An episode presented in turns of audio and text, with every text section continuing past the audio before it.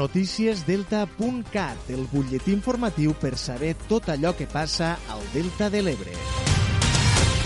Hola, molt bon dia. Ens ocupem de l'actualitat del Delta de l'Ebre. L'Ajuntament de Sant Jaume d'Enveja ha convocat una assemblea participativa per a avui divendres 3 de juny per a decidir com ha de ser la futura rehabilitació de l'antic convent de les Germanes Terciàries Trinitàries. L'objectiu de l'Ajuntament és aprofitar els fons Next Generation per a reconvertir l'edifici en el nou centre de serveis socials de Sant Jaume d'Enveja.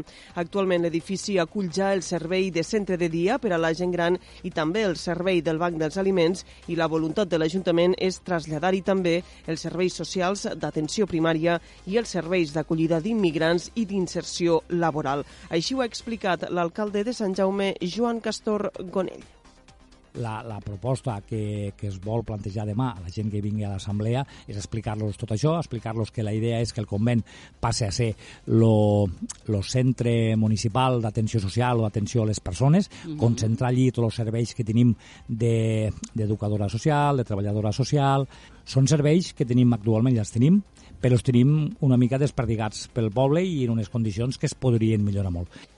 La rehabilitació planificada pretén acabar amb els actuals problemes de filtracions i humitats que pateix l'edifici i aconseguir un edifici eficient energèticament, sostenible i adaptat als serveis que s'hi ha de prestar. Este convent va ser construït l'any 1940 i durant dècades ha funcionat com a centre cultural i social de Sant Jaume d'Enveja. Anem ara a Camarles, que recupera este cap de setmana la mostra de tapes, de tapes Destapa't Camarles, després de dos anys sense poder-se dur a terme a causa de la pandèmia.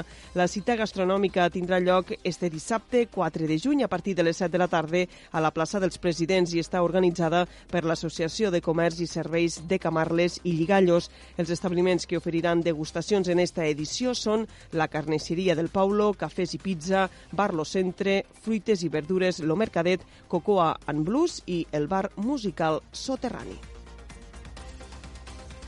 Cal dir que, seguint el format de l'última edició, a partir de les 5 de la tarda de demà dissabte es farà ja el taller infantil a càrrec de germans marins i, a més, se celebrarà també el setè concurs de tapes amateur i professional.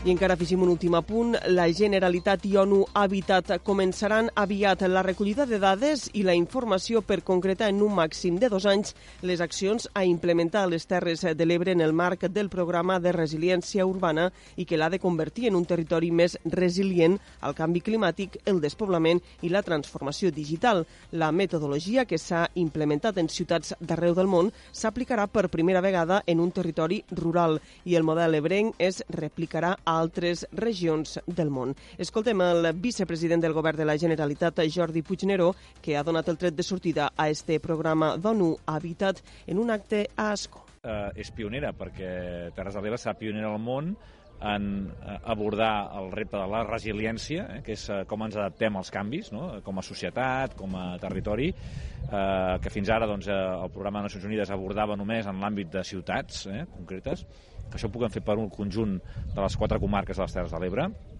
per un territori que, a més a més, té doncs, reptes molt diversos. I així acabem. Ja saben que poden continuar informats, com sempre, a través del portal deltacat.cat.